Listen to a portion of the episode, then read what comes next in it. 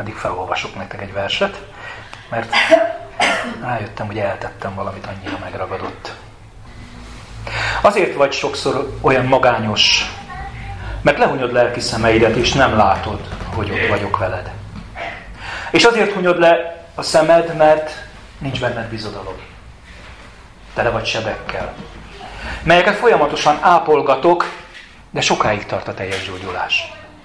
Sebeid nem tűnnek el, ha begyógyítom őket, hanem szent sebekké lesznek, áldás árad belőlük. Mikor a földre jöttem, embertestem sátra, betakarta Isten létem fényét. Sokan csak egy rabit láttak bennem. A tömör hús nálad is beárnyékolja a természet feletti lelket. Csak a sebeken keresztül áramlik ki a valódi fényesség. Szerelmes társammal teremtettelek a kezdet-kezdetén, és azóta pillanatra se váltunk el egymástól. Sok millió éve szeretlek. Előre tudtam, mikor fogansz meg. Vágytam rád, dédelgettelek, arra születtél, hogy szolgálj, de ehhez nem kell feladnod magad. Szolgáló önmagad, a legmélyebb, legsajátabb éned, ilyenre alkottalak. Mikor én lejöttem a földre, mindenki szolgája lettem. Mégsem látszottam valaki másnak, volt arcom mind végig. Azt hiszed, ez nem is az én hangom? Csak te beszélgetsz saját magaddal. Megrodjant a hited? Ne félj. A szíved és a szereteted annál erősebb. Hagyatkozz rá. Semmi baj, úgy érzed, fogytán a kegyelem. Elfogy-e apálykor a tenger? A tenger? Egyszer. Elfogy-e apálykor a tenger? Dehogy. Csak pár száz méterrel odébb vonul, ugyanúgy nincs Isten fogyatkozás, ha az áradás szintje nő vagy csökken. Titkos természete szerint. Lacki János.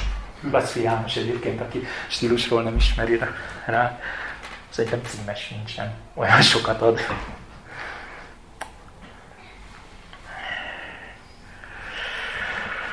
Ja. Imádkozzunk. Urunk, valóban köszönjük neked, hogy te, te nem mész el, te nem fogysz el, te nem hagysz el. Van úgy, hogy megrodjan a lábunk, van olyan, hogy távol megyünk, de te, de te nem mész el. Köszönöm, Uram, hogy amikor a legnehezebb, akkor veszel a válludra minket, és amikor úgy érezzük, hogy a legtávolabb vagy, akkor vagy legközelebb. Uram, kérlek, hogy használd most az alkalmat, hogy mindannyiunk számára egész közel gyere.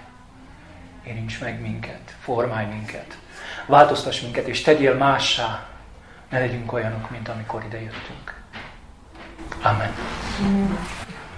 Zsoltárt hoztam, méghozzá a harmadik Zsoltárt. Dávid Zsoltára abból az időből, amikor fia Absalom elől menekült. Uram, mi sok ellenségem van, mi sokan támadnak rám, sokan mondják rólam, nem segít rajta az Isten. Szela. De te, Uram, pajzsom vagy nekem, dicsőségem, aki fölemeled fejem. Hangosan kiáltok az Úrhoz, és ő meghallgat szent hegyén. Lefekszem, alszom és fölébredek, mert az Úr támogat engem. Nem félek a sok ezernyi néptől, amely körülvett engem. Állj mellém, Uram, szabadíts meg, Istenem! Hiszen te vered arcul minden ellenségemet, kitördeled a bűnösök fogait. Az Úrtól jön a szabadítás. Legyen áldásod népeden. Szela. Minél többet forgattam ezt a Zsoltát, annál inkább felmerült bennem egy kérdés, ami nem látszik így elsőre belőle. Hogyan olvassuk a Bibliát? Úgy értem, ha amikor kinyitod a Bibliát, miért nyitott ki? Mit vársz tőle? Hadd, hadd hozzak még fajsúlyosabb kérdést. Egyáltalán miről szól a Biblia? Parancsolatokat várok tőle? Micvákat, ahogy a zsidók hívják? Vagy ennek valami fajta keresztény változatát, keresztény kőtáblákat, szabályrendszert, how to leírásokat, mintákat, hogy mit tegyek, mit ne tegyek. Hogy a jó keresztény az milyen legyen, mit kell neki tennie, hogy jó keresztény legyen, és mit nem szabad tennie, hogy jó keresztény legyen. Vagy konkrétan a Zsoltárra. Milyen a helyes imaforma, hogy kell egy kereszténynek imádkozni. Vagy valami egészen más. Vagy, vagy a mindenható Isten keresem. Mindenütt. A Szentírásban.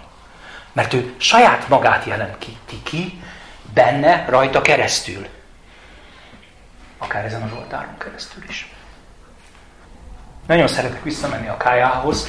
A kájha pedig ugye a Genezis egy-egy kezdetben teremti Isten a mennyet és a földet. És ez azért fontos, mert az én, és talán nem csak az én értelmezésemben, a menny és a föld az Istennek a teremtése, a láthatatlan és a látható világ egyszerre. És azt érzem, azt tapasztalom, hogy ebben a Zsoltárban megjelenik a látható és a láthatatlan világ egyszerre. Megjelenik a látható világ valósága, és megjelenik a láthatatlan világ valósága is. Azon kevés Zsoltárok egyike, aminél elég világosan gondolhatjuk és tudhatjuk, hogy valóban Dávid a szerzője, hiszen ugye az első sorában rögtön visszautal már megint egy nyomorúságára, nem mintha ne lett volna néhány az életébe, de ez talán már az időskori Dávidnak az a nyomorúsága, amikor a fiatal, erős fia Absalon ugye magához ragadja a királyságot, királynak kikiáltja magát, és ő elmegy, elmenekül, sírva menekül el. Olvashatjuk a Sámuel második könyvének a 15-18 részei közötti részben. Szóval menekül. És miközben menekül, születik meg, születik meg ez a Zsoltár. És ez fontos, hogy van egy helyzete ennek a Zsoltárnak. És ez a helyzet, ez nem valami rózsás helyzet. Az első valóság, azt gondolom, és én ezt nagyon-nagyon irigylem Dávidtól, mert néha az az érzésem, hogy mi keresztények kevésbé merjük bevállalni, hogy nagyon is jól elmondja azt a valóságot, amiben van. Elmondja, hogy sok ellensége van, elmondja, hogy ez a sok ellensége rátámad, és aztán elmondja, hogy sok ezernyi nép veszi körül. Rátámad és körülveszi az embert. Ahogy rátámad és körülvesz. Téged is. Ennek a világnak sok-sok fenyegetése, ami nem feltétlenül Absalonnak a lázadása a te esetedben, de hadd mondjam azt egy kis bátorsággal, az, hogy pont Absalonnal történik, belül, nem egy külső ellenség. Külső ellenséggel olyan sokkal megvív, megvívott, és olyan bátran szembeszállt. Ez az ellenség belülről jött. Ahogy nagyon sokszor belülről jön. Akár fizikai, akár nem fizikai formában is. Mindaz, ami számunkra teher. Szóval sokféle nehézség veszi körül a ma emberét is, engem is, benneteket is. És ezek valami nagyon hasonló, hasonló helyzetet ö, ö, produkálnak. Fenyegetve érzed magadat miatta. Azt sugják, sőt azt kiabálják és azt harsogják, hogy sokan vagyunk. Nem vagy biztonságban, annyi neked. Annyi neked. Sőt, hogyha ez nem lenne elég, még azt is olvastuk a harmadik versben, sokan mondják róla, nem segít rajta az Isten. A környezete is azt mondja. Egész pontosan, és ennek jelentősége lesz majd, a Héber szöveg azt mondja, hogy nincs szabadítása neki Istentől. A segítség szóra a szabadítást használja a Biblia. És én azt gondolom, hogy ez a fenyegetettség ez valóban valós. Minket is körül tud venni. Ez folyik még a csapból is. Nincs, nem vagy biztonságban. Sőt, Alternatívákat is kínál a világ. Szerezd meg magadnak. Mert megérdemled. És ad módszereket a marketing, hogy tudod bebiztosítani magadat. Nézzetek csak körül postaládádba időnként, hogy mi minden jön. És valóban én azt gondolom, ha kiterjesztem ezt a fenyegetést, akkor csak gondold végig, hogy hányan, meg hányan szoronganak, szorongunk a holnap miatt. Valós, vagy nem valós, vélt fenyegetettség miatt. Akár anyagi terhek miatt. Vajon be tudom-e fizetni holnap a villanyszámlát? És a világ hangosan kiabálja, ugyan már, nehogy már az Isten oldja meg mindezt neked. Nehogy már az Isten segítsen. Segíts magadon! Majd cinikusan hozzáteszi, hogy is az Isten is megsegít. Szerintem az egyik legistentelen mondat, már bocsánat. Segíts magadon, vedd kézbe a dolgokat. Szóval én azt gondolom, hogy Dávid nagyon őszinte. Elmondja a látható őt, magát körülvevő valóságot. De elmondja azt, a láthatatlan valóságot is, ami ugyanolyan valóság, azért szeretem ezt használni kifejezésként. Azt mondja, te uram, pajzsom vagy nekem, dicsőségem. Fölemeled a fejemet. Azt mondja, ő meghallgat engem. Olyan szép, hogy leírja. Lefekszem, alszom, fölébredek. Az Úr támogat engem. Nem félek. Hát tudjátok, 20 évig éjszakáztam, vagy váltószolgálatoztam, én ma sem tudok úgy aludni, hogy lefekszem, alszom, és akkor reggel fölébredek. A legkisebb neszre felkelek. Ez már abból a állandó éberlétből adódott, hogy ha letettem is a fejemet szolgálatban, mert le lehetett, akkor két másodperc múlva észnél kell lenni, hogy pontosan reagálni tudjak a számítógépes jelzésekre. Nem tudok nyugodtan aludni. Ő azt mondja, nem félek. Sőt, még azt is elmondja, és én azt gondolom, hogy ez nem független az idős Dávidnak a megélt Isten kapcsolatától, hogy te vered arcul minden ellenségemet, kitördeled a bűnösök fogait. Igazán gondolom, amit azt a Zsoltár feltesz nekem kérdést, és ezért tettem én is fel nektek, hogy hogyan olvassuk a Bibliát, hogy hogyan látjuk mi az Istent. Milyen, milyen a személyes kapcsolatunk vele. Az életünk során nekünk milyen az Isten képünk? Egyáltalán kicsoda az ő számunkra? Körbevesznek-e Dávidhoz hasonló ilyen bizonyságok az életünkben?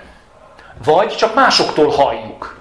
Másoktól olvassuk, mások beszámolóit halljuk a gyülekezetben, olvassuk a szebbnél szebb YouTube-os videó, vagy nézzük a szebbnél szebb YouTube-os videókat, olvassuk a romantikusabbnál romantikusabb keresztény könyveket és történeteket, a mind beszámolnak, hogy milyen az Isten más ember számára. Mert a mások által nekem elmondott Isten ismeret, az soha nem lehet valódi Isten ismeret.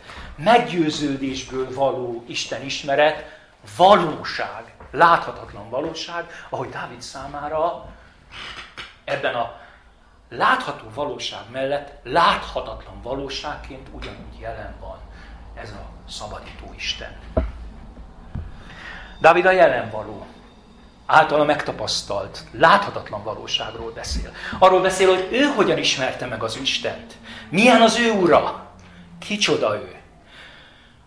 Ahogy utaltam rá, az elmúlt évtizedek tapasztalataiból, emlékezzetek vissza, ugye, akik régebb óta itt voltak, hajdanán Dáviddal indult a történet, vagy hát még ugye Saullal, sok-sok évvel ezelőtt, hát bizony, Dávid az, aki még a csata előtt is megkérdezte, hogy menjek, ne menjek és innen vagy onnan támadjak.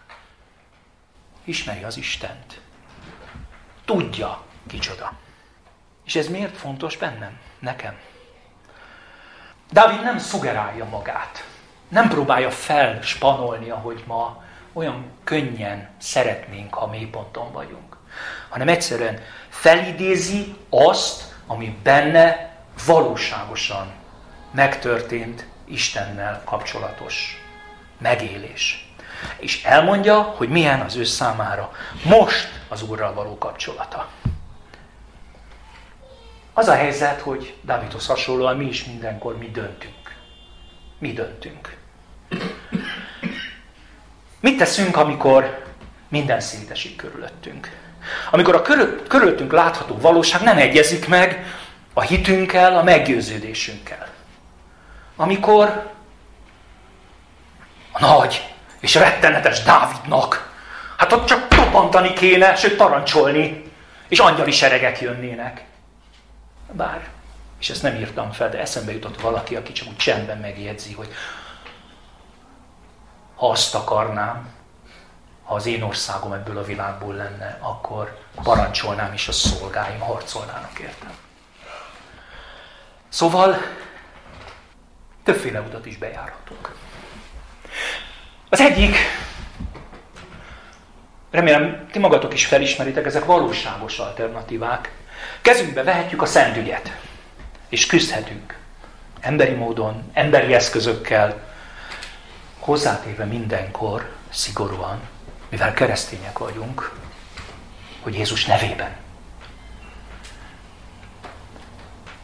Lehet, lehet reakció az ilyen nehézségekre, egyfajta elfolytás is, egyfajta hallgatás, egyfajta bezárkózás, egyfajta, egyfajta kegyesség, egyfajta önállítás. Ó, az Isten tette rám ezt, és most nekem ezt el kell hordoznom. Ó, az Úr rám tette ezt, és a jó keresztény az szenved. De a Zsoltáros nem ezt teszi. A Zsoltáros az, és itt most hadd tágítsam ki, nem csak a harmadik Zsoltáról beszélek, hanem úgy sacra a Zsoltárok könyve kétharmadáról. Kicsit átfogóan. Mer panaszkodni az Isten előtt. Én emlékszem pár évvel ezelőtt egyszer már ezt elmondtam, mint hatalmas felismerést, hogy igenis az Isten embere mer panaszkodni az Isten előtt. Azt mondja, tudom, hogy ez a helyzet az Istenre tartozik. Az, ahol most vagyok, ez nem jó, ez nekem fáj, és ez az Istenre tartozik, és ezért az Isten elé kell vinnem. Nem, nekem kell megharcolnom ezt a harcot. Nem, nekem kell harcolnom a látható valósággal. Vegyük észre, hogy mi az igazán fontos ebben az egészben. Mer szembenézni azzal a valósággal, amivel legtöbbször nem merünk szembenézni. Beszél arról a krízisről, beszél arról a fenyegetésről, ami őt éppen a fia által, téged meg, te tudod igazán, meg az Isten, hogy mi által, meg ti által vesz körül jelen pillanatban is. Az igazi kulcsa az egésznek, az egész Zsoltárnak, az egész imának, mert hiszen ez egy ima, az, hogy hol és kinek mondja el mindazt, ami körbeveszi őt. És valami ilyesmit mond. A hitem ezt mondja, ugye ez az árósora, hogy az Úré a szabadítás. Választ adok arra a feszültségre, ami a látható meg a láthatatlan között van. Arra a látható valóságra, ami azt akarja nekem súgni, hogy ah, nem segít az Isten. De és figyelj oda, mert ez legalább akkor a csapda, választad nem csak annak a láthatatlannak, vagy láthatónak, hanem nekem, magamnak is, aki odaállok Isten elé.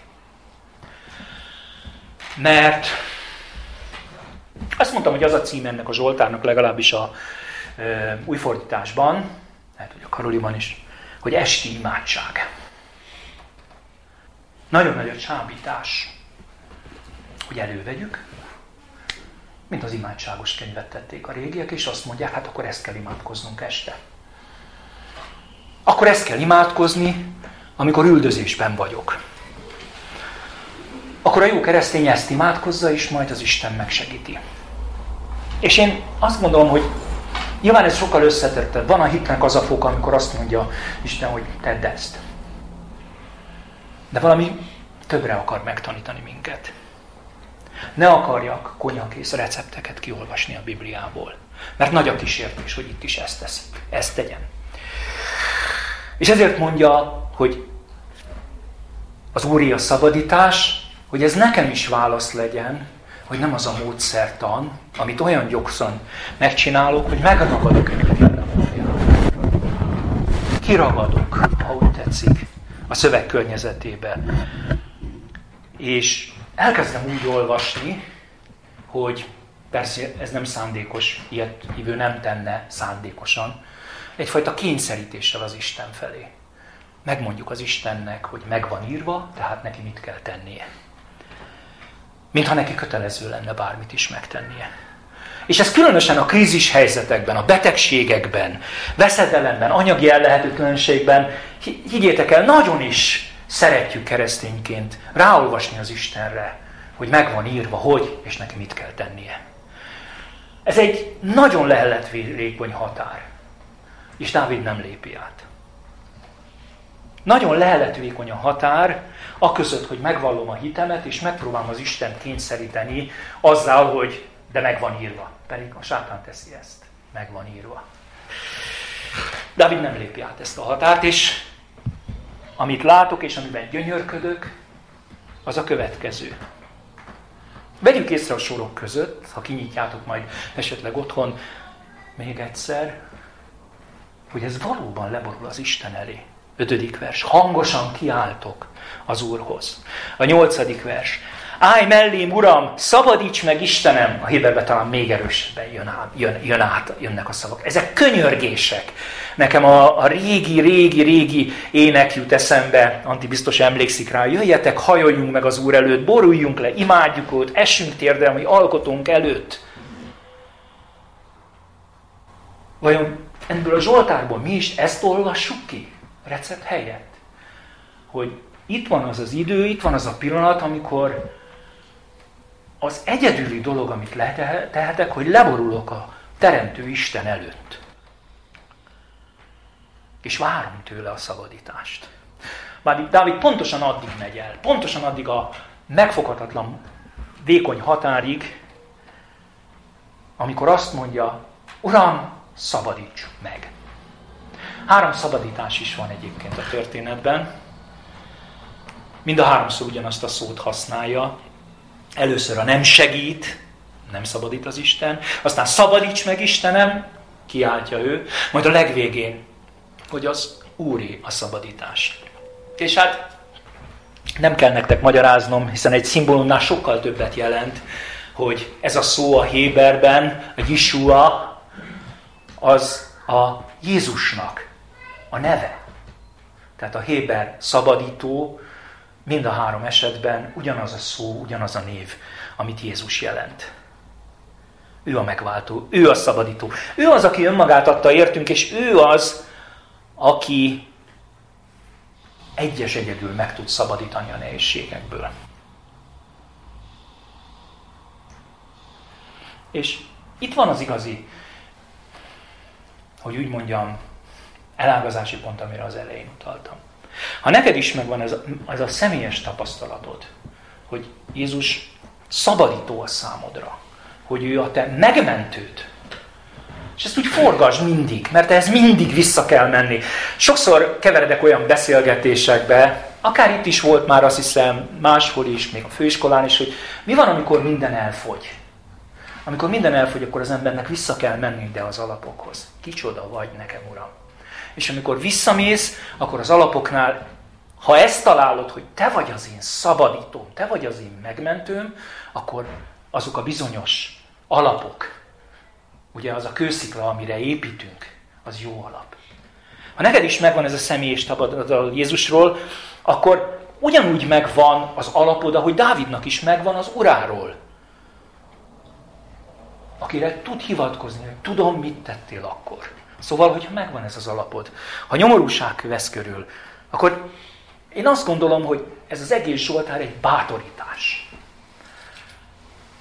Nem egyszerűen ima minta, hogy hogy kell imádkozni a jó kereszténynek, hanem arra, hogy ha megvan ez az élő tapasztalatod és az élő kapcsolatod az Istennel, akkor merj hozzá hasonlóan, ugyanúgy leborulni az Isten előtt és hangosan kiáltani, és azt mondani neki, hogy Uram, állj mellém. Uram, szabadíts meg. Mert tudom, itt belül, egészen mélyen, hogy az Úré a szabadítás. És nincs más szabadító, csak ő. Amen.